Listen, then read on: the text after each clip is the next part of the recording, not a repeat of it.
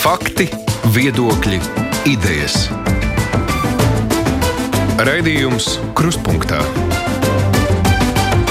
ar izpratni par būtisko. Pie Latvijas radio mikrofona Arnēs Krauzes skan kruspunktā. Esiet sveicināti.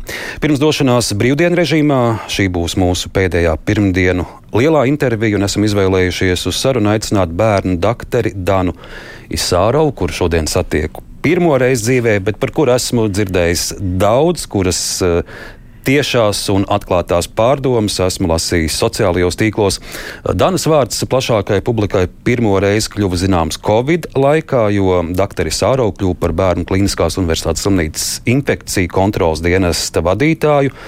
Un pandēmijas laikā Dānu godināja arī kā gada jauno ārsti. Un tad nāca 24. februāris un Putina iebrukums Ukraiņu zemē. Šis plēš dvēseli tik dziļi, ka agrāk tādas sāpes neesmu pat izjutusi. Tā pāris dienas pēc kara sākuma Twitterī rakstīja Dānis Sārovu, kurai šodien saku labdien, un arī paldies par atsaucību sarunai. Paldies, ka uzaicināji.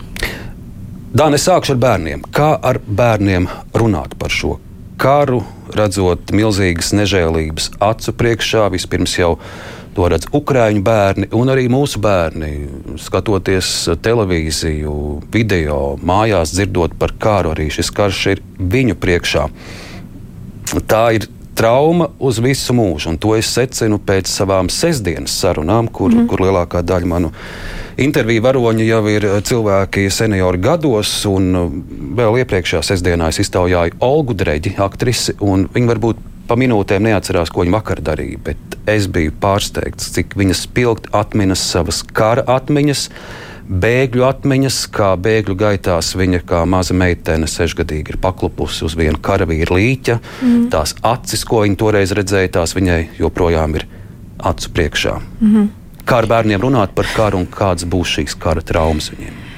Ah, tās kara traumas, laikam, ir tas arī, kas man. Uh Mani paši visvairāk biedē, ņemot vērā to, ka strādājot ar bērniem, es esmu redzējusi, ko šādi traumatiski notikumi viņiem spēja nodarīt. Un, ja mēs varbūt sāksim salīdzināt to jautājumu, kā runāt ar bērniem, kas, kas nav tajā kara zonā. Un, Uh, ko ar viņiem darīt? Uh, man liekas, ka pirmais ir tas nosacījums, ka ar viņiem vispār ir jārunā un ir jāuzdod jautājumi, vai ko viņi ir dzirdējuši, varbūt viņi ar draugiem ir pārunājuši, vai viņi ir ziņās kaut ko lasījuši vai redzējuši, vai ir kaut kas tāds, kas varbūt viņiem nav skaidrs, vai viņus biedē, vai viņus satrauc. Jo Atkarīgs jau, protams, ir arī no tā, kāds bērna vecums tas ir. Jo mazāks bērns ir, jo mazāks viņš arī saprot savas sajūtas. Līdz ar to vecāku uzdevums arī principā ir palīdzēt tam bērnam orientēties tajā, kur, tas, kur viņš atrodas. Bet ar pusauģiem jau ir salīdzinoši vienkāršāk runāt, jo viņa saprates līmenis ir, eh, ir, ir ļoti, ļoti augsts. Un manā skatījumā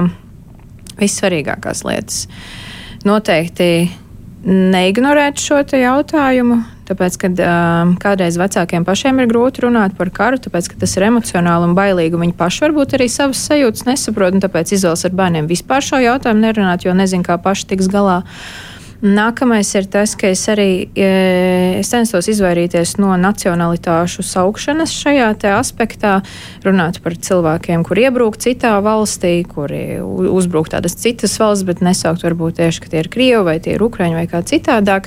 Nu, Neuzsvērt to. Labie, sliktie vai, vai, vai, vai kā? Uh, nu, varbūt arī labie sliktie te nu psiholoģijas e, jautājumos es nebūšu visspēcīgākais cilvēks, kam, kam šo jautājumu uzdot. Iespējams, ka labie sliktie būtu labs koncepts tieši mazākiem bērniem, jo viņi to labo slikto vairāk vai mazāk saprot. Bet tiešām stāstīt, ka ir cilvēki, kuri iebrauka svešā valstī, kuri dzīvo kaut kur citur, bet kuri vēlas uh, vai nu ieņemt zemes vai nogalināt citus cilvēkus bet uh, maksimāli izvairīties liekas, no šo etnisko piedarību nosaukšanas, jo tas var bērnos arī veicināt šādu kaut kādu agresīvāku rīcību pret bērniem spēļu laukumiņos vai arī skolā. Tad neveicināt arī to naidu šeit. Un, uh, man liekas, ka arī ļoti svarīgi ir tas, ka vecāki izvēlas pareizos vārdus ne tikai tad, kad viņi runā ar bērniem, bet tad, kad viņi runā arī savā starpā, jo bērni dzird pilnīgi visu. Un arī tad, kad mums liekas, ka viņi ir aizņemti, spēlējās, un mēs tā savā starpā klusiņām kaut ko parunāsim, patiesībā viņi dzird absolūti visu, un arī tie vārdi, ko mēs izvēlamies, kā pieaugušie teikt par šo situāciju, arī ļoti, ļoti atspoguļojas to, kā bērni uz šo visu situāciju raudzīsies. Tāpēc ir svarīgi runāt, atklāti prasīt arī, kā viņi par to visu jūtas, jo bieži viņi jūtas satraukšies. Jo, kad sliktie cilvēki uzbruktu, tā baila varētu būt, ka arī man tie sliktie cilvēki uzbruks. Ja mēs runājam par ukraiņu bērniem, hmm. jūs arī savā darba jā. gaitā tiekaties ar viņiem kā, kā jā. doktoriem. Jā, jā man, ir, man ir sanācis arī strādāt ar viņiem, pieņemt uh, viņus uh, privātu praksē, kuras strādāju. Tie bērni, visi, kurus es esmu sastapusi, viņi ir tādi, kas ir atbraukuši jau ļoti, ļoti saulēcīgi pēc kara sākšanās. Tas jau bija uzreiz, principā, februāra beigās. Viņi beiga no turienes projām, līdz ar to tie bērni, kurus es satieku, viņi nav pagrabos sēdējuši un, un redzējuši visas tās bumbošanas. Nē, man nav sanācis runāt ar tādiem bērniem. E, ir māsīcas bērns, kurš ir pieredzējis gan pumpu atvērtni, gan arī šaudīšanos, trīsgadīgs. E, visi, visiem likās, ka tad, kad par viņu runās, ka tur pērkons dārtais loga vai tur kaut kas sprākst, vai tas ir salūts vai kā citādāk, viņš uztvers tieši tādi, bet uh, viņš ir dzirdējis sarunas, viņš trīs gados var pateikt, ka šāva tur grad, šāva Krievija, mums mēs slēpāmies bunkuros. Viņš pilnīgi visu saprot. Neskatoties to, trīs gados. Trīs gados, neskatoties to, ka tā bija māsīca mēģināja to pasniegt spē, kā spēli, kad ir jāslēpjas, jo pērkons dara. Bet viņi savā starpā, protams, runāja par to, kā tas notiek, viņš visu cilvēku dzirdēja un uh, pilnīgi savam vecumam visu ļoti, ļoti, ļoti labi, labi saprot un atstāst arī te bērniem. Nu, Ukraiņu bērnu, Ukraiņu ģimenes nevar izslēgt televizoru un izslēgt karu. Tas Jā. karš ir viņiem acu priekšā.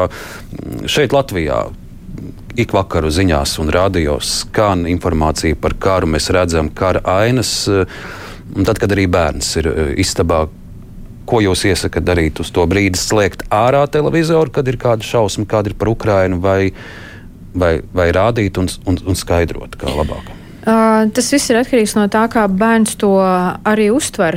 Nebūs tā, ka visi bērni uztver to tieši tāpat kā pieaugušie. Uh, bija tādi, kur jau pašā kara sākumā izvēlējās neskatīties ziņas, jo naktīs nevar pagulēt, nevar pastrādāt darbā. Viss, ko tu redz acu priekšā, ir uh, tie cilvēku līķi, un tu saproti, kas tajā kaimiņu zemē notiek. Līdz ar to bija cilvēki, kas izvēlējās to neskatīties, un es uzskatu, ka tas ir pareizais lēmums.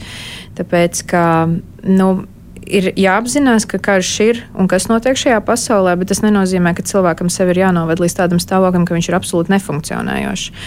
Un, um, Es domāju, ka ziņas skatīties vajag, bet atkal visu laiku ir jātur roku uz pulsa un jāprasa tam bērnam, vai ir kaut kas tāds, kas viņu satrauc šajā uh, visā to, ko viņš redz, vai ir kaut kas tāds, ko varētu izskaidrot, un varbūt, ka viņš nevēlas arī, lai vecāki skatās to karu, varbūt, ka viņam tiešām arī tas traucē. Tāpēc tāds padoms, ko darīt, ko nedarīt. Mm, atkal saku, neizolējam bērnus no šīs situācijas, jo viņi izaugs lieli. Viņiem arī nu, tās pasaules procesi kaut kādā mērā būs jāsaprot. Un, ja mēs to ignorējam, tas jau nenozīmē, ka tas nenotiek. Bet visu laiku ir jārunā ar to bērnu, lai saprastu, vai tas viņam ir komfortabli, vai šajā momentā tas jau viņam arī traucē ikdienā kaut kādā veidā funkcionēt. Šis karš, protams, ir trauma bērniem, bet tā ir arī trauma ļoti daudzām ukraiņu sievietēm. Kuras ir pieredzējušas krievu karu nežēlību, pieredzējušas izvarošanas. Eh, daļa no viņām arī ir eh, patvērumu radušas Latvijā, vai jums darba gaitā arī ir sanācis ar, ar kādu no viņām satikties un kā ar viņām runāt, kā, kā viņas atbalstīt. Jo cik es esmu lasījis, daudzas arī vispār nevēlas par šo visu runāt, un arī nedaudz kā pašas jūt kādu vainu kaut ko. Jā, nu, ja mēs mm, runātu par ko tieši par karu vai par tām izvarošanām vai par, par visiem tiem jautājumiem, um, tad atkal tas pats būs individuāli. Es, um, Tas, ko man viena draudzene pateica, kur uh, psiholoģijā saprot daudz vairāk nekā es, ir tas, ka cilvēki, kas aizbēg no kara, viņi grib justies kā, nu, normāli, kā cilvēki. Viņi grib iet, at, iet atpakaļ tajā ikdienas gaitās. Līdz ar to viņas tas ieteikums bija tā, ka nevis uzreiz mēs metamies uz jautājumiem, kā, no kurienes tu esi, kā jums tur visa tā situācija, tā kā mēģināt izprašņāt ar to domu, ka tas cilvēks varbūt viņam paliks vieglāk. Es domāju, ka vērtīgāk ir sākt ar kaut kādām ikdienišķām lietām. Vai kaut kas, kurš tev var palīdzēt, vai nezinu, es tev varbūt varu piedāvāt kaut kādu satikties vai kā citādi. Un tas viss ir atkarīgs, kāds ir tas, eh, tie apstākļi, kur jūs tiekaties ar to cilvēku. Bet maksimāli mēģināt sākumā vismaz noteikti uzreiz ne, nepieķerties tai kara tēmai, neizticināt to visu. Un tad kad jau tas cilvēks jūtas pietiekami ērti tavā klātbūtnē, jo nu, viņi ir jāsaprot, ka daudzi no viņiem arī atbrauc šeit ar tādu domu, ka, ja tur mūs krievi sīt, iespējams, ka šeit mūs tāpat tās neviens nemīlēs. Nu, tā, tā ir tāda tā, tā, tā psiholoģiskā īpatnība par to, ka, ja jau vienai mēs tik ļoti nepatīkam, tad citi arī varbūt mūs nepieņems. Un tad, kad jau viņi ir apraduši vairāk vai mazāk, tad varbūt ir vērts uzjautāt, vai ir bijis kaut kas tāds notikums, par kur vēlas parunāt cilvēks, vai varbūt psiholoģiskā palīdzība ir nepieciešama vai arī, ja tagad tu par to nevēlies runāt, es vienmēr esmu šeit un es esmu gatavs tev palīdzēt. Līdz ar to atkal turēt roku uz pulsa un vienkārši radīt to sajūtu, ka es esmu šeit, es esmu gatavs palīdzēt, un es saprotu, ka iespējams šajā momentā tev pat nav īsti vārdu, lai to aprakstītu. Jo tas viss pārdzīvojums ir. Um, karš ir traumatisks pats par sevi, bet, ja sieviete piedzīvo izvarošanu, un ja vēl tas notiek tādos apstākļos, kā es to esmu lasījusi, tad uh, Man šķiet, ka tiešām dažām sievietēm uh, var nebūt pietiekami liels šīs mentālās kapacitātes, lai vispār jebkādā veidā verbalizētu tas, kas ar viņu ir noticis. Dani, jūsu mamma ir Latvijas tēvs, Ukrainas un uh, liela daļa jūsu ģimenes. Uh, līdz šim dzīvo arī Ukrajinā. Es saprotu, arī jūsu babuška, vecā māte. Kā jūsu radiem šobrīd klājas? Cik daudz ir palikuši Ukrajinā, cik daudz ir patvērumu drošību raduši ārpusēju? Mm, tad uh, Rīgā pie mums šobrīd ir babuška, mhm. mana krustmāte ar vīru, uh, māsīca. Ar nu, jau abiem dēliem. Tāpēc, ka, te, kad viņi brauc pie mums, tad uh, viņi vēl bija stāvoklī pēdējos mēnešos. Tad aptuveni nedaudz vairāk kā pirms mēneša piedzima otrs dēls. Uh, uz īsu brīdi ir atbraucis arī viņas vīrs. Um, Un, bet uh, Ukrainā ir palicis mans brālēns, mana krustāva ģimene. Viņš ar savu sievu un arī ar uh, viņas, ja nemaldos, viņa mamma vai sievas mamma. Nu, vēl sanāk, man liekas, ka aptuveni puse vēl ģimenes ir palikusi Ukrainā, kas atrodas tur uz vietas. Jā. Un es tā saprotu, jums tā ir bijusi vai gluži arī tāda ikvasaras tradīcija doties jā. pie saviem radiem Černihovas apgabals, tas ir starp Pilsēta. Kievu un Baltkrievijas robežu. Jā, tur uz augšu. Tas ir Baltkrievija, Krievija, tur no tām abām robežām aptuveni 60 km. Ļoti, ļoti tuvu. Kad pēdējo reizi tur bijāt? Es pēdējo reizi tur biju septembrī. Es lidoju viena pati, jo mm, augustā, kad mēs parasti dodamies uz Ukrajinu, man bija jāgatavojas certifikācijas eksāmenam. Līdz ar to es vairāk domāju par to tā pabeigšanu, tās lietas pabeigšanu. Tad jau, kad uh, ieguvu certifikātu, tad aizlidoju pati uz Kijevu un satikos ar radiem. Kādu jūs Černihivu redzējāt pēdējo reizi un, un kāda šī pilsēta tagad? Jā, viņa bija ļoti uzplaukusi pilsēta. Vispār Ukraina pēdējos gados uh, mani pārsteidz ar to, cik ļoti viņi sāka piedomāt par infrastruktūru un vispār savas valsts attīstību, par to, ka nauda tiek novirzīta pareizajās gultnēs. Un es pēdējo savu čurņīku, savā prātā čurņīku atceros ārkārtīgi sakārtotu un ļoti modernu, jo tad, kad es vienmēr braucu uz Ukrainu, senāk man vienmēr bija tāds sajūta, ka tas ir tāds atpakaļ metiens tādos nedaudz padomju laikos. Līdz ar to tagad likās, ka beidzot viņi ir sākuši plaukt un virzīties vairāk uz Eiropas pusi. Un kas tur ir tagad? Černihivā, cik es saprotu, tie mm, bojājumi nav patiesībā arī tik lieli un tik daudz, kā mēs pieņemsim.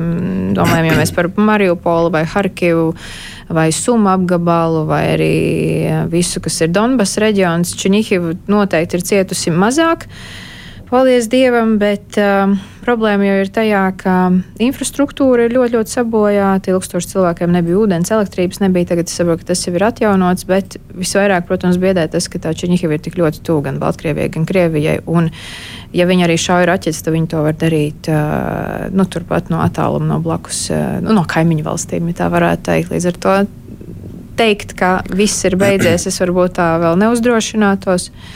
Bet pagaidām tie bojājumi nav tik traki, un cik es saprotu, arī man radinieku mājas ir uh, sveiks un, vesels. Vai pie kara var pierast? Es, es pats pie sevis domāju, līdz kādai simtajai dienai katru dienu skaitīju, ir 99. Mm. simtā. Šobrīd es pat vairs īsti nezinu, kura, kur ir šī kara diena kopš 24. Mm. februāra. Tad jāsāk skaitīt. Vai, vai pie kara šausmām var pierast var. tiem, kas mēs esam ārpusē, un tie, kas to pieredz savā acu priekšā. Jā, var. Tas ir, tas, man liekas, ir ļoti fizioloģisks process, ka mūsu ķermenis smadzenes nespēja izturēt tik ilgstošu stresu un tik ilgstošu fokusu uz vienu lietu. Un ņemot vērā, ka pat ja tagad liekas. Um, Um, kad es labāk tieku galā ar stresu, nu pat ja es arī ar, par sevi runāju sākumā, es galīgi ar sevi nevarēju tikt galā, tad jau kļuvu mierīgāk, bet tik un tā smadzenes pamazām sāk filtrēt ārā to informāciju, jo viņa ir pārāk satraucoša. Un līdz ar to kopumā pie kara fizioloģiski var pierast. Bet uh, nu, mana dzīve ir, man ir divas paralēlas dzīves. Ir tagad mēs esam šeit, un tad ir tā Ukraina, kur es joprojām visam sekoju līdzi, jo es esmu ļoti ciešā kontaktā ar to visu.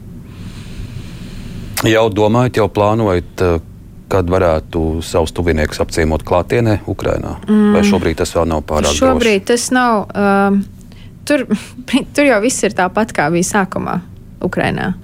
Uh, emocionāli arī man ir tie brīži, kad man liekas, ka nu jau tā kā varbūt nav tik traki. Tad es pastos ziņas, un es saprotu, ka tur viss, viss tieši tikpat tik traki, kā arī bijis iepriekš. Kā Kāda raķete var lidot jebkurā Jā. brīdī un jebkur. Jā, un uh, gaisa sirēnas skan, un cilvēki joprojām tiek nogalināti, sievietes tiek izvarotas, un, un viss tas joprojām notiek. Līdz ar to teikt, ka uh, braukt apciemot radus kaut kad šobrīd, vai, vai, vai tas varētu būt vasarā, es, protams, ļoti ceru ka mēs to varētu izdarīt, bet, lai teiktu, ka šobrīd viņas braukt apciemot, tas noteikti nebūtu prāta darbs. Uh, O, bet es zinu, ka manējie ļoti grib mājās. Viņi jau sen, jau, jau sen jau bija gatavi doties prom, bet uh, tad pa Kijevu tā viena raķete tur pirms kaut kādām, man liekas, ka pirms mēneša vai nedaudz mazāk, atkal kaut ko viņi tur uzspridzināja. Tad viņi apstājās un pat, pateica to, ka varbūt vēl nē, kad vēl nebrauks, bet principā viņi ir gatavi doties atpakaļ uz Ukrajinu. Kara sākumā bija diezgan optimistisks prognozes par kara iznākumu un ka uh, Ceļš pirmajās nedēļās uh, Ukrāņi ļoti, ļoti lielu varonību parādīja pret daudz lielāku pārspēku. Un arī šobrīd, protams, tur ir minēts, ka pat 40 reizes lielāks ir militārais pārspēks uh, mm. Krievijas armijai, visas bumbas un, un lidmašīnas. Uh, kādu jūs šobrīd redzat šo kara gaitu, jūs ikdienā tam visam sakojat? Mm. Es patiesībā sakot, biju viens no tiem cilvēkiem, kurš jau no kara sākuma cenšā, centās neromantizēt uh, to visu. Un, uh, lai gan es dziļi sirdī ticu uzvarai, bet es pieļauju arī tādu scenāriju, ka tas varētu arī nenotikt. Un īpaši tas ir reāli, nu, nu, tāds reāls notikums gadījumā, ja mēs visi pieradīsim pie kara, īpaši, ja tas būs no teiksim, citu valstu e, augstāk, augstāk stāvošajām amatpersonām, kurām kļūs, varbūt, kuras arī pieradīs, varbūt kļūs arī nedaudz vienalga, vai arī būs kaut kādi citi apstākļi, kas piespiedīs meklēt citus kara risinājumus, kas nebūs izdevīgi Ukrainai. Jo jautājums ir arī par to, kā mēs definējam uzvaru karā, vai tās ir at, atkal, atkal iegūtas atpakaļ teritorijas, vai, vai tas ir pamieris kaut kādā mērā, vai nu, kā mēs definējam šo uzvaru. Un, um, es saprotu to, ka tā fronte. Nu, cik nu es saprotu no kara un no tā, kas viss notiek, tā frontes līnija nav 5, 10, 20 km, tie ir tūkstošiem kilometru. Un, ja viņiem nav tie ieroči, un ja tie ieroči nāk tik lēnu, tad uh, tur tās tas moments, kad tas karš var salūst uz neforšo pusi, ir diezgan arī reāls. Plus, Um, man nav ne jausmas, kāds ir iekšēji noskaņojums Ukrainā. Es, protams, zinu, ka joprojām viņi daudz varonīgi turas un tur tas iekšējais gara spēks ir, bet uh, ir jāsaprot, ka viņi arī ir cilvēki. Viņi nav. Arī Ukrāņu karavīri sāk, jā, sāk nogurt jau kurais mēnesis. Tieši tā, ne jau pat tas, ka fiziski, bet arī morāli. Tas, ka iespējams kaut kādā mirklī viņi vispār sāk domāt par to, vai pasaule mūs joprojām atbalsta, vai mēs šajā nesam vieni. Ja tev apkārt mirst tavi visi draugi un tuvinieki, ar kuriem tu esi visus šos gadus, eh, nu, no 2014. gada cīnījies par to savu valsti, eh, ir skaidrs, ka arī viņu psiholoģiskais stāvoklis noteikti kaut kādā momentā nebūs tas viss spožākais. Līdz ar to, ja tā, tas morālais sagruvums notiks viņiem vairākiem vienlaicīgi, tad tur ir tās visas iespējas, ka tas karš pagriezīsies pilnīgi uz citu pusi. Un arī pagājušajā nedēļā augsts Ukrāņu amatpersonas atzina, mm, varbūt pat pirmo reizi kara laikā tā konkrēti pateica, ka arī Ukrāņi, protams, cieš milzīgas zaudējumus. Šai karā ir dienas, kad 500 karavīri zaudē Jā. dzīvības, tūkstošiem ievainoto. Un, ja, un, ja to visu saskaita ar jau vairāk nekā simts kara dienām, tie ir milzīgi, milzīgi cilvēku zaudējumi Ukrainai. Jā, un īpaši kā, man liekas, sāpīgi viņiem ir tie, tie to cilvēku zaudējumi, kuri ir uh, bijuši kā tādi savu veidu vēstneši un, un, un, un tie līderi un varoņi. Nu, to, ko es sakoju līdz tam, tam, tam visam, es neatceros no gada kara. Jā, jā, tieši tā. Un tiklīdz tu zaudē šādus cilvēkus, ir skaidrs, ka viņos atmostas kaut kāda varbūt. Izsalkums pēc vēl kā, lielākas tās atriebības Krievijai, bet tāpat laikā tas nu, morāli lūst no tā, ka visi tavējie tuvinieki apkārt uh, mirst un ka tas, tas nebeidzas. Ir katra, man arī liekas, ka pēdējā laikā katra diena ir viena un tāda pati. Viena un tāda pati. Viņa nekas neiet ne uz, ne uz vienu, ne uz otru pusi. Un tas ir ļoti, ļoti grūti cilvēkam psiholoģiski. Bet Ukraiņas, protams, iedrošina uh, pārliecība, ticība par uzvaru. Un Ukraiņas iedrošina arī lielais atbalsts, īpaši arī no latviešiem mm. un Latvijas, kuru viņi saņem. Un uh, nevelti prezidents Zelenskis uzrunājot Latvijas sājumu, teica, ka jūs esat viena no mūsu ciešākajiem un pirmajiem atbalstītājiem, un mēs, Ukraiņi, jums mūžam būsim pateicīgi. Mm. Tā ir. Un, tad, kad es lasu arī uh, publiskajā vidē par to, ka mēs tur kaut ko ne tā darām, kaut ko par mazu un, un, un slikti, šis, slikti tas, nē, nu, protams, ir labi atstāt vietu izaugsmai un domāt par to, ko mēs vēl varētu palīdzēt. Un, un tas ir būtiski, ka mums ir kaut kāda dzinēja spēka, kur nepārtraukti atgādina, ka Ukrainā ir karš, mums ir kaut kas jādara, bet kopumā arī no savas pieredzes es varu teikt to, ka man nevienā brīdī nav bijis kauns par to, kā mēs kā valsts un kā sabiedrība esam atbalstījuši Ukrainu, jo tas atbalsts ir milzīgs, un viņš ir tūlītējs, un viņš ir nekavējošs. Tas ir tas, kas man ir vissaviņojošākais. Arī joprojām, lai arī kura simtā plus kara diena būtu, protams, tas atbalsts varbūt šķiet ir tāds gausāks, bet tiklīdz viņš ir vajadzīgs, viņš joprojām ir. Es, es esmu pilnīgi pārliecināta, ka uh, Ukraiņi šo atbalstu neaizmirsīs nekad. Par atbalstu runājot, protams, ir, ir uh, militārs atbalsts uh, no Latvijas puses. Saprat, ka, ka mūsu ieroči vēl bija pēdējie, kurus paspēja nogādāt Kijivas lidostā pāris stundas pirms um, lidostas aizvēršanas 24. februārī. Protams, arī iedzīvotāju atbalsts, gan uh, izmitinot ļaudis, gan ziedojot mantas, ziedojot automašīnas un arī kara Šķiet, ka tā bija nedēļa. Vienas nedēļas laikā jau tika savākti 2-3 miljoni eiro, mm. ko, ko katrs viens ziedoja. Nevis valsts, bet, bet, bet Jā. katrs Latvijas cilvēks. Jā, tas ir tas, tas ir tas fantastiskais. Tas ir arī tas, kas man man arī rada to māju sajūtu un sapratni, ka nu, šī ir tā sabiedrība, kur ir nu, mana. Jo kara sākumā man arī likās, ka man ļoti gribējās uz Ukrajinu. Es atceros, tas ir viss, ko man gribējās. Es nezinu, kāpēc man bija tāda ļoti kaut kāda cieša saikne ar visiem tiem cilvēkiem, kur bija tur un man gribējās būt tur. Bet jā, mēs kā sabiedrība esam spējuši savākties. Man liekas, ka tas, tas ir tas skaistais, kas man patiesībā pēdējos divos gados bija ļoti, ļoti pietrūcis. Šo turpinot, ko vēl šis karš ir eh, licis jums eh, pārvērtēt vai saprast gan par drošību, par mājām, par uh, tuviniekiem mums apkārt. Tās ir lietas, kas, kas daudziem ukrāņiem vairs nav ne māju, mm, ne jā. tuvinieku, ne drošības. Mm, daudz pārdomas kopš kara sākuma. Pirmā bija tā atziņa par to, ka patiesībā man šajā dzīvē nekas nav apsolīts. Uh, nav, nav absolūti nekādas garantijas par to, ka rītdien būs tieši tāda pati kā šodien, ka būs mājas, būs visi tie cilvēki apkārt, kas ir sāpīga atziņa, bet tāpat laikā tu saproti, ka tas nozīmē, ka tas viss, kas, kas man ir, tas ir arī vairāk jānovērtē kad ir māja, ka var atgriezties, ka ir ko paēst, kad ir ūdens, ka var nomazgāties, kad vecāki ir veseli, ka radinieki ir veseli. Tās ir tādas parastas ikdienišķas lietas un izklausās tā kā ļoti romantizēti par to, ka es tik ļoti novērtēju savā dzīvē visu, bet šobrīd tas tā tiešām ir. Tā katra diena ir pilnīgi citādāka. Arī tas, kā es arī pieņemsim skatos uz savas dzīves mērķiem, tas arī noteikti manā galvā ir pamainījies, jo tiklīdz tu saproti, ka rītdiena var nebūt tāda kā šodien, tad tu domā, vai tas, ko es šodien daru, vai tas ir vērtīgi un kādā ziņā tas ir vērtīgi, vai es atstāšu kaut kādu iespaidu uz šo pasauli labā ziņā vai sliktā ziņā. Tas viss ir ļoti tādos eksistenciālās dabas jautājumos. Tas viss pāriet, kas uh, man bija ļoti, ļoti vajadzīgs. Un um, ir tāda. Uh, pat nezinu, kā lai pasaka, mm, tiešām ir tāda sajūta, ka mans tas, es neteiktu, ka dzīves mērķis, bet vispār tie ceļi, kurus es gribēju iet, viņi, jā, lielos vilcienos viņi palikuši tādi paši, kādi viņi bija, bet tā varbūt kaut kāda misijas apziņa ir pamainījusies kopumā. Man, protams, gribētos, lai es tādas lietas saprastu arī bez tā, ka cilvēkiem kaut kur blakus zemē ir jācieš, bet ja vismaz no tā kara mēs katrs sev un es pati varu iemācīties kaut ko vairāk gan par sevi, gan arī par sabiedrību, kuras esmu, tad nu, vismaz lai ir kaut kāda laba lieta turpmākajai dzīvei.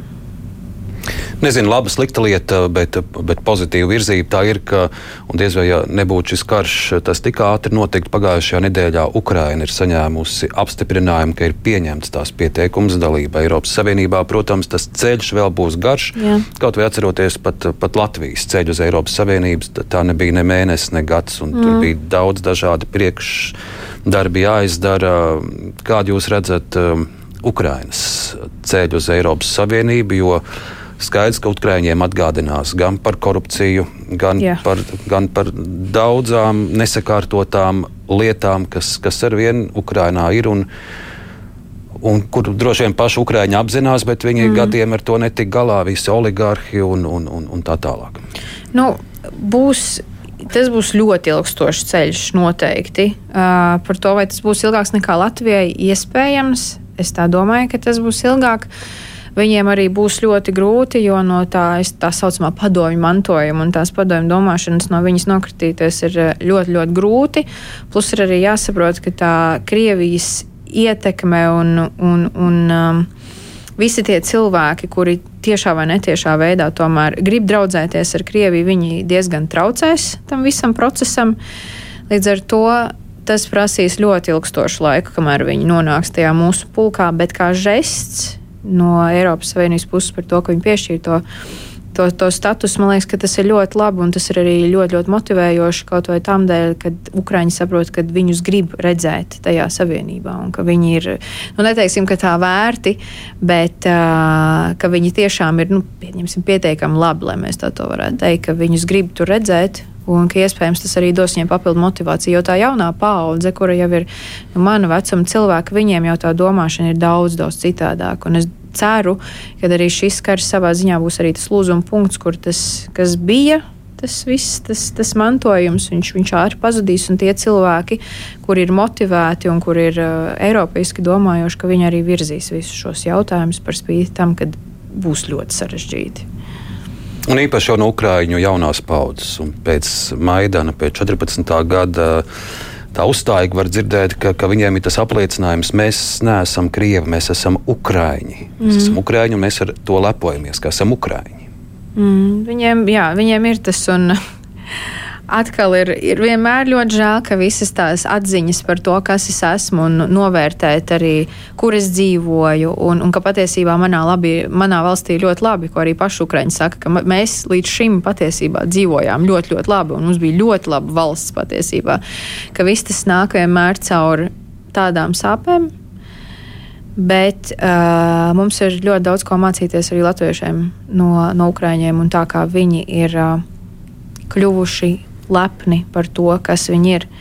Jo nu, tas viens piemērs, eh, ko es arī pamanīju pēc 2014. gada, ka jau Kijava kādreiz bija krieviski runājoša pilsēta, ļoti, ļoti sen. Čeņihiva, viņa joprojām ir salīdzinoši krieviski runājoša, bet uh, tad viņa arī bija īstenībā krieviski runājoša pilsēta. Bet uh, pēc 2014. gada tur runā krieviski, ar tevi runā ukrainiski. Un, uh, man, man tas kaut kā man ļoti norazinēja. Man likās, ka mēs šeit varbūt Latvijā arī varētu Ielpot vairāk to drosmi un, un būt arī nedaudz lepnāki par to, kas mēs esam, jo mēs esam arī ļoti spēcīga tauta. Par Ukrāņu-Krievu attiecībām, Latviešu-Krievu attiecībām mm. sarunas turpinājumā. Es raudzījos jūs Twitterī pāris dienas pēc eh, kara sākuma. Jūs ierakstījāt citāts Ome, protams, visu dienu dragā tēvareizi ar rožu kroni rokās, lūdzās visi. Oma teica, ka viņi nedusmojas uz visiem krieviem un teica, ka arī mums nav jādusmojas. Kara iemeslam esot vārds un uzvārds. Mm -hmm. Arī draugi no Krievijas zvana un atvainojas mums savas valsts vārdā. Patiesībā šis bija jūsu pirmais jā, Twitter jā. ieraksts karam sākoties. Jā, jā, tas tā arī bija, jo Oma bija pirmā, kurai es piezvanīju. Uh, aprunāties, un mums bija ārkārtīgi gara saruna, un tie bija viņas pirmie vārdi. Uh, par to, ka nedrīkst ielaist uh, naidu sevī, jo tad viss prāts aptumšojas. Bet nu, jāsaprot arī, ka uh, Ukraiņi ļoti ticīgi cilvēki, viņiem pareizticība viņu dzīvēs ļoti klātesoša, un arī manā ģimenē tie, kas dzīvo Ukrainā, šī ticība dievam un, un labajam arī ir ļoti, ļoti liela. Un, man liekas, arī tas ir arī tas, kas au, notur augstu šo ukrāņu arī morāli kopumā. Bet jā, tie bija tie pirmie omas vārdi, un mani viņi kaut kādā mērā nomierināja, neskatoties to, ka es sev nevarētu pieskaitīt pie tādiem ļoti ticīgiem cilvēkiem. Bet tā Omas doma bija nevajag dusmoties uz visiem krieviem. Jā, lai, arī, lai arī cik šausmīgi tas viss jā, notiek. jā, un uh, viņas tie, tas, ko vēl viņa arī teica, ka arī atsaucoties vairāk uz ticību, to, ka tas nav mūsu uzdevums ne viņus sodīt, ne viņus kaut kādā mērā. Uh, pat nezinu, vai tā būtu pareizi teikt, pāraudzināt, ka tas viss ir kaut kāda augstāka spēka uh, ziņā, lai tas paliek, ka mums nav jānolaižās līdz viņa līmenim. Nu, mums, respektīvi, nebūtu jārīkojas. Ja viņi mums tā dara, tad mums nevajadzētu viņiem tā darīt pretī. Ko es ceru, ka neviens nepārpratīs. Tas nav tā, ka, ja krievi iebrūk, tad mēs viņiem nu, kā, mēs neaizstāvāmies. Aizstāvēties ir cita lieta, bet mums nav jākļūst tik nežēlīgiem un nav jāpazaudē sava seja. Pat ja tās emocijas plūst pāri malām un liekas, ka es ienīstu pilnīgi visus un, un absolūti visu. Dan, kad jūs televīzijā redzat vai internetā redzat šobrīd Putina bildi vai Putina video, jūsu jā, pirmā reakcija, ko, ko jūs domājat? Es nezinu, man tas tā pirmā doma, ka man viņi visi ir tik ļoti apnikuši. Tiešām man nav tāda naida sajūta, man ir vienkārši tāda. It īpaši, kad es dzirdu, ka Lavrovs runā, ir kaut kādi kārtējie visi tie iz, izteicieni par to, ka mēs neuzbrukām Krievijai vai vispārējais. Es tā kā it kā klausos, bet man ir tāda sajūta, ka es vienkārši gribētu, lai, es nezinu, man viņi ļoti, ļoti apnikuši visi ir. Man nav ne naiciekšā man, man nav tādas ļoti spēcīgas emocijas. Man viņi tiešām visi ir apnikuši, un es nevaru sagaidīt, kad viņi tiks nolikt vietā. Tas arī viss.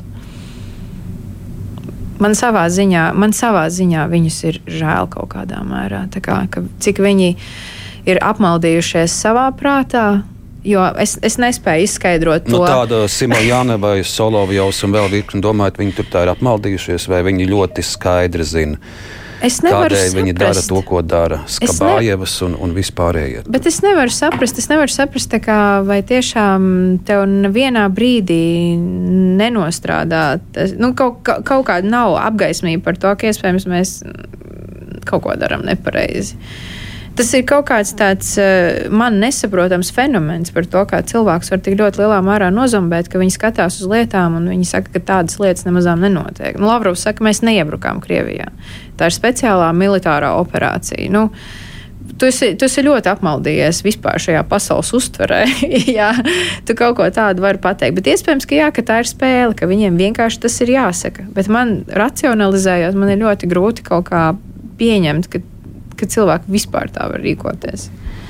Cik uh, apmaldījušies, jūsuprāt, ir ļaudis Latvijā? Un te es runāju gan par latviešiem, gan par krieviem, kuri runā, un tādi ir, un, un, un diemžēl nemazums, kuri runā Krievijas propagandas intonācijās. Es šobrīd arī skatos e-pastā, nu, vairāk cilvēku te raksta, ka viņi Kāpēc jūs nepieminat Doņets, kas vairāk nekā 140 bērnus, kuri gāja bojā astoņu gadu laikā? Nu, tas ir tas narratīvs, tas uzsvars, ko, ko vienmēr Krievijas propaganda liek priekšā, ka kāpēc nerunā par to, kas notika tur. Bet, uh, Kā, kā no, nu, par to tika runāts?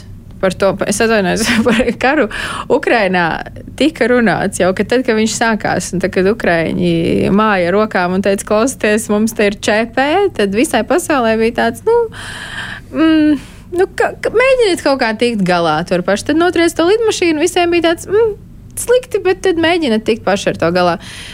Kurš jums, pieņemsim, liedz tos astoņus gadus runāt par tiem 140 bērniem Doņetskā?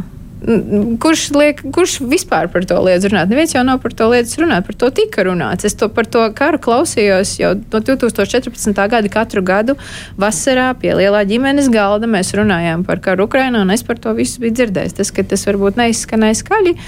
Vispār šis jautājums, tas ir, ir cita lieta, bet tas, cik spēcīgi strādāja Krievijas propaganda jau tajos laikos, jo es jau esmu tā kā, es saprotu, kā viņi strādā. Jo es ar to astoņus gadus jau, nu, neteiksim, ka cīnos, bet es to dzirdu. Bet cilvēkiem ir, ir, ir milzīgi, nevis pat milzīgs pārsteigums, bet viņi arī bieži vien apjūg tajā visā informācijas gūzmā, jo tas, kā Krievi pasniedz šo informāciju, patiesībā brīžiem šķiet ļoti, ļoti ticami.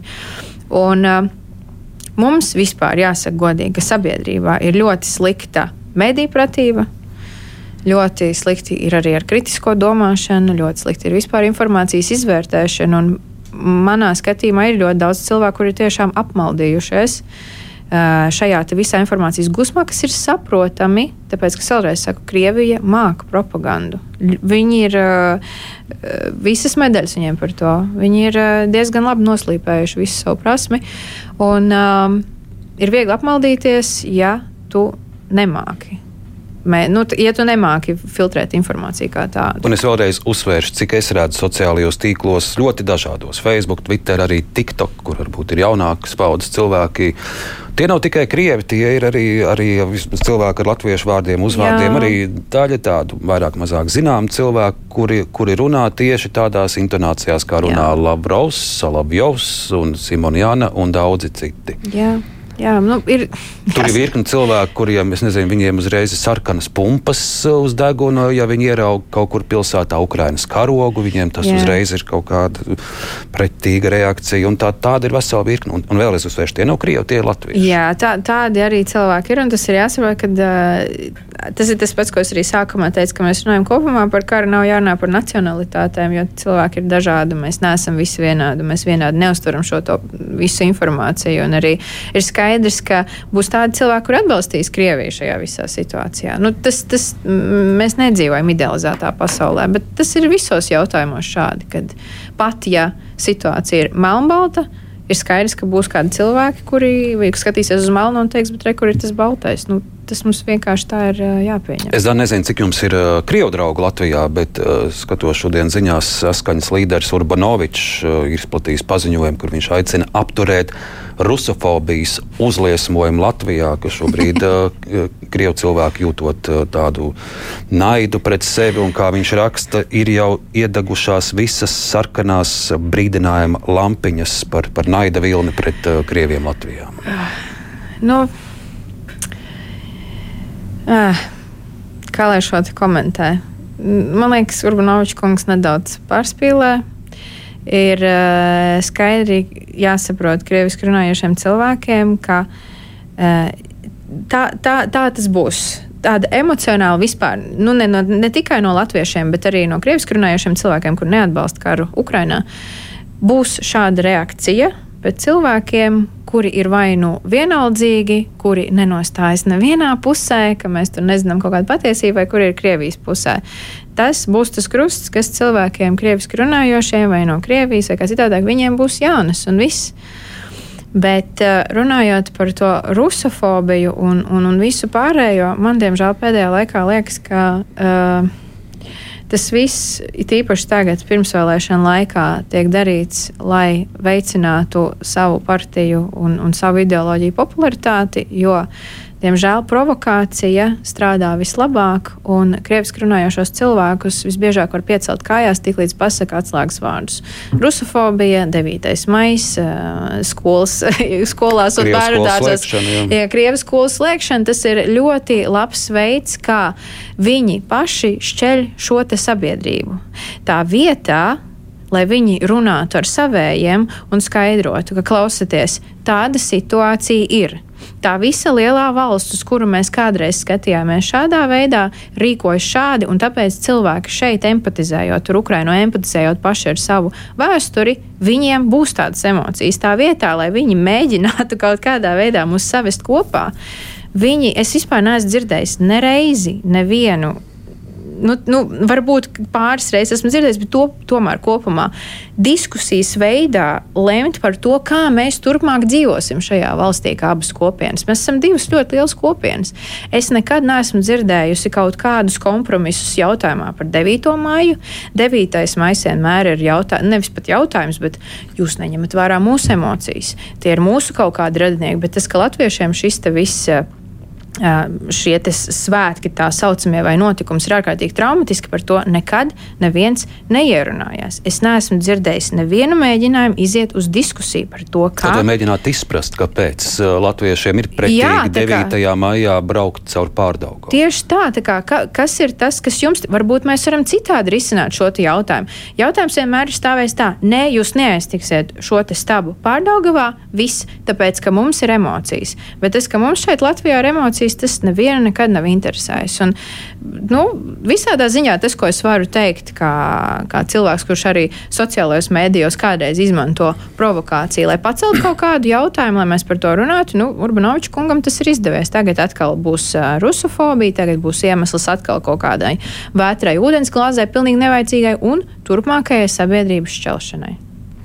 Par Ukrajinu vēl. Uh, Viens, es saprotu, arī no tādiem uh, impulsiem jums visa šī kara rezultātā ir doma par uh, stāšanos zemesardzē, Jā. varbūt par um, arī kādām uh, militārām uh, prasmēm, šaušana un arī pastiprināt interesi par kara medicīnu, Jā. kas ir atzīts, ka Latvijā pagaidām vēl ir diezgan, diezgan vāji sagatavota. Jā, nu vāji sagatavota. Jā, es, es tā varētu no sava subjektīvā viedokļa teikt, ka tieši tāds arī ir.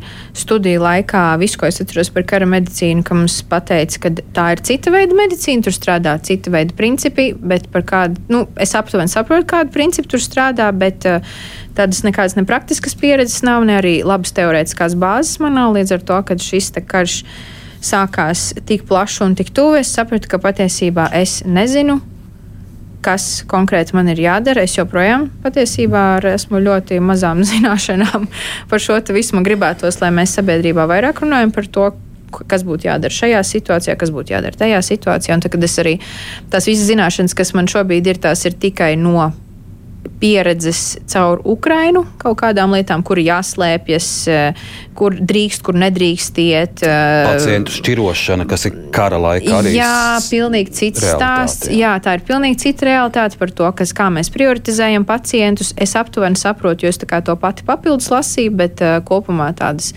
visaptvarošas informācijas, man liekas, joprojām nav, kas ir slikti.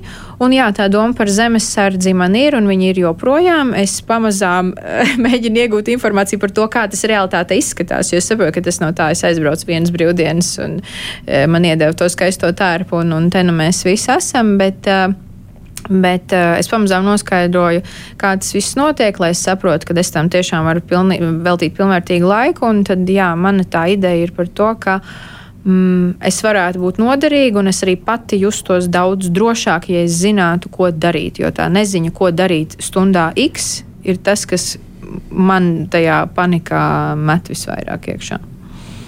Vēl par ukrāņu temperamentu man arī šķita interesants viens jūsu ieraksts, ka bēgot prom no Ukrainas.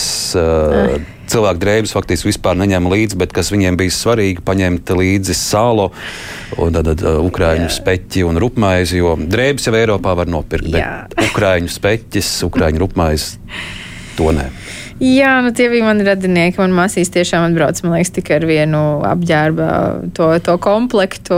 Un, uh, tā bija viena no pirmajām tā mūsu ģimenes sanākšanām, kur viņi izvilka ārā to, to, to speķi.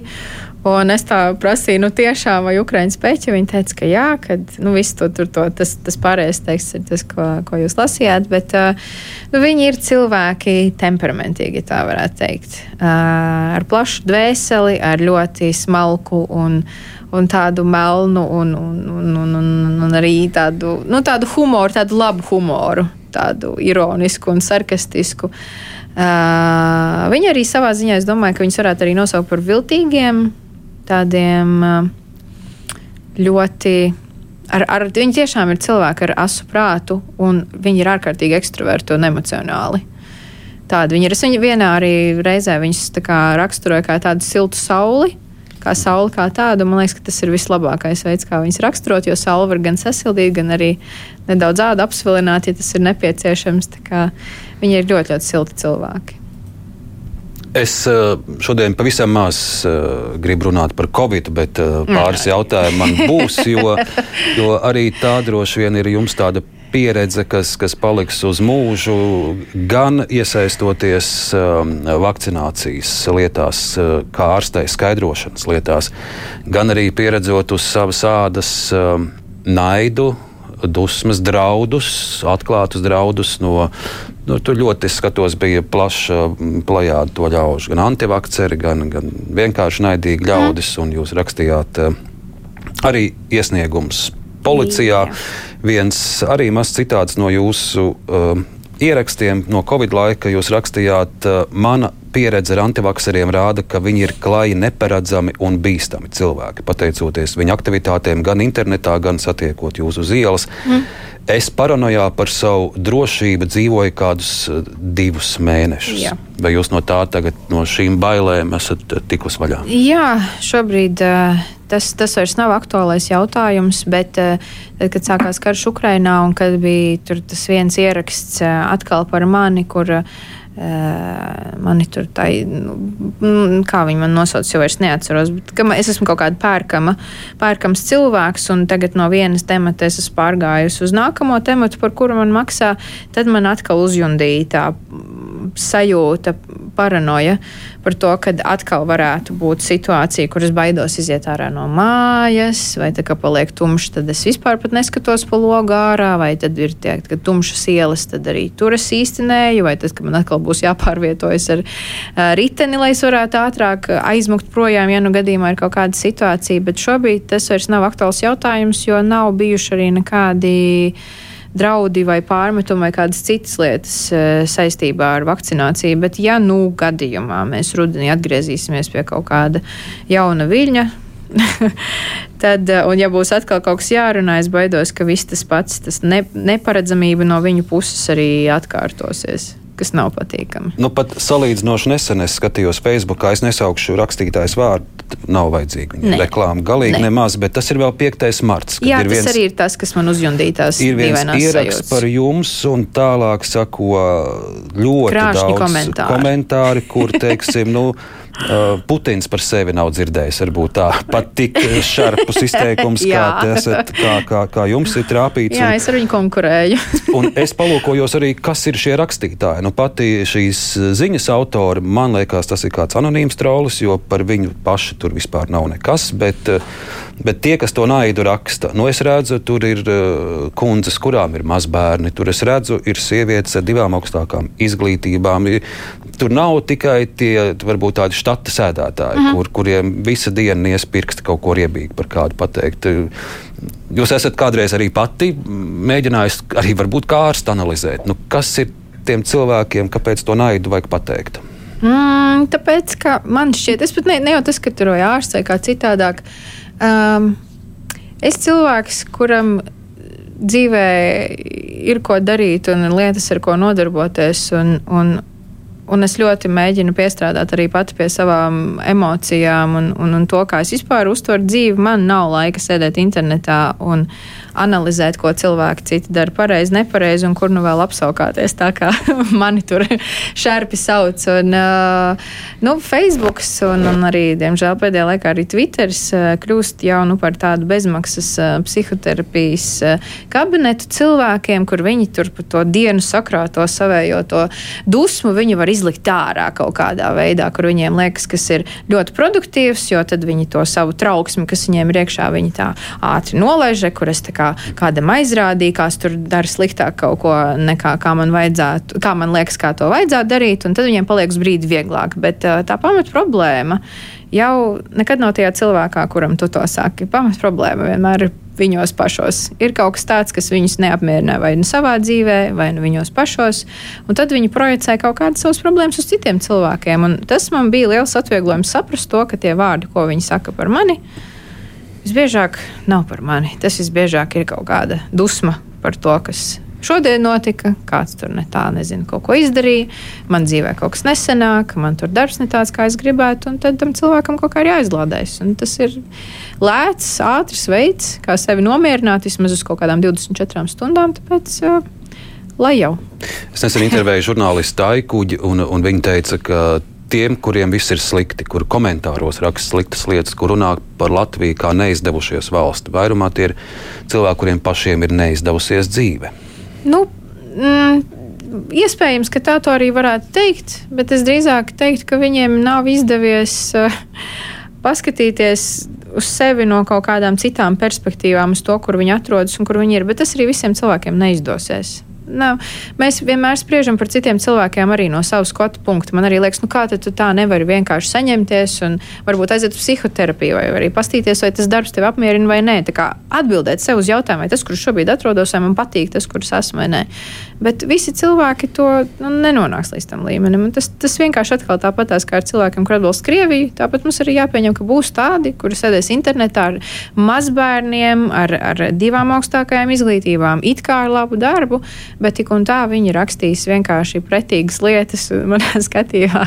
Ja kāds man, no maniem radiniekiem kaut ko tādu rakstītu internetā, es nezinu, cik viņiem atslēgt ko, Facebook. Ko es pamanu, ka, ka tie, tie lielākie rakstītāji par to, cik mums te viss ir slikti un nepareizi, viņi nemaz paši Latvijā nedzīvo. Tas man Tas pārsteidz. arī ir viens, un man jau, protams, arī vislabāk patīk, kad tie cilvēki vienmēr zina visu, kā vajag vislabāk darīt, bet viņi ir tie, kas vismazāk iesaistās procesos un, un kaut ko reāli ņem un dara un parāda, kā tas būtu jādara. Mums dan vēl pāris minūtes par politiku, pavisam īsi. Ar jums ah, gribu uzprasīt Latvijas Dievs. politiku, bet ir pirmsvēlēšana laiks, nesauksim būt kādu konkrētu partiju vai politiķu. Bet uh, viens jūs ieraksts arī, uh, jei bogu negribu iet politikā, bet tad, kad es paklausos verbālajā ūdenskritumā no raidījuma, kas notiek Latvijā, tad gan piedurknes pašas atrodas uz augšu. Jā, rekur pilnīgi viņas vairs nav. ah, jā, es, um, jā, nu es, es varētu saukt savu, sevi saukt par pilsoniski aktīvu cilvēku. Es tā varētu teikt noteikti, jā, ka man patīk pateikt to, ko es domāju, un arī, ja man kaut kas ļoti uztrauc, tad arī kaut ko izdarīt lietas labā. Uh, bet politikā es neiešu. Vismaz, ir bijuši aicinājumi? Nē, patiesībā mani nav neviens uzrunājis. Iespējams, tāpēc, ka es jau varbūt kaut kādā veidā esmu paudus to, ka politika nav mans lauciņš. Es arī uzskatu, ka pirms es tur dodos, eh, man ir nedaudz jāsaprot eh, kaut kas no politikas un arī jurisprudences. Jo viens ir tas, ka es savā lauciņā saprotu, ko es daru, bet eh, tagad, kad es arī strādāju infekciju kontrolas dienestā, es saprotu, ka menedžments un kaut kāda lieta darīšana, ko man nemācīja universitātē, tas ir sarežģīti. Un politika ir tomēr vairāk par menedžmentu, nevis par būšanu speciālistam savā lauciņā. Līdz ar to es nejūtos, ka es būtu pietiekami kompetenta risināt kaut kādus tādus politiskus jautājumus. Bet uh, vispār, jā, kad es redzu, kādi cilvēki iet politikā, kuriem šķiet, ka nu, viņi zina visu, iespējams, arī kādi tie komentāru bruņinieki, kuriem viss ir apnicis, un viņi domā, ka nu, es tūlītās aiziešu un visu izdarīšu. Te man tā kā liekas, ka kaut kāda op opozīcija no savas puses man arī viņiem gribētos dot, lai viņiem nešķiet, ka viņi ir, nezinu, visspējīgākie un ka viņi zina, kā ir patiesībā. Bet nē, politikā es neiešu. Ļoti labi, bet Dana, ir, ir Jāņa laiks, Jāņa nedēļa. Vai, vai jums jau ir plāni Jāņa svinēšanai, vai ir kādas Jāņa tradīcijas? Un ņemot vērā, ka jums ir pusi Ukrāņu ģimenes, viņiem arī ir Ivana Kupālos svētki. Jā. Ja? Vai Jā. varbūt Ko, ko, ko Ukraiņa dara Jāņos? Mm, Jāņos. E, nu, tajā Ivana Kupala viņa pēc būtības ir ļoti, ļoti līdzīga tiem, tiem mūsu Jāņu svētkiem. E, visi gan viņi tik, tik plaši nesvin, jo tas ir vairāk tā kā pagānu svētki, tā varētu teikt. Bet, uh, Bet ļoti līdzīgi tas viss ir ar vainagu pīšanām, ugunskura, dziesmas. Jā, dziesmas, dejas. Viss ir diezgan patiesībā līdzīgi tādā ziņā. Bet, ja mēs runājam par Jāņu sinēšanu, tad jā, plāni jau ir. Principā mēs jau, man liekas, janvārī jau rezervējām atkal to pašu vietu ar draugiem, kur mēs jau trešo gadu dosimies. Tā jau, tā jau ir tā tradīcija, tā vieta konkrētā, uz kurien mēs dodamies. Un, un tādām no Jāņu tradīcijām, tas, kas standartā ir, tas vienmēr ir vainags. Nu, tagad es gan vairāk izvēlos tos uh, nedzīvo ziedu vainagus, jo viņi ilgāk stāv uz tās galvas un, un, un nenovīst, bet kopumā viss kā cilvēkiem parastajiem. Danu jums jāvēl priecīgi Jāņi, un paldies liels par sarunu bērnu ārste Dāna Isārava, un Dana, protams, mēs vēlam izturību visiem ukrāņiem un ukrāņu karavīriem šobrīd. Paldies par sarunu. Paldies. Klausītāji rīt par uh, nulles toleranci pret jebkādām kara agresijas vai nacionālā naida kurināšanas izpausmēm, vai realitātē tā notiek, uh, kāda ir tiesību sargājošo iestāžu politika gadījumos, kad noziegumi vērsti pret ukrāņiem un ukrāņu atbalstītājiem. Par to diskusija rīt. Producente Vijunām studijā bija Ārnis Krause.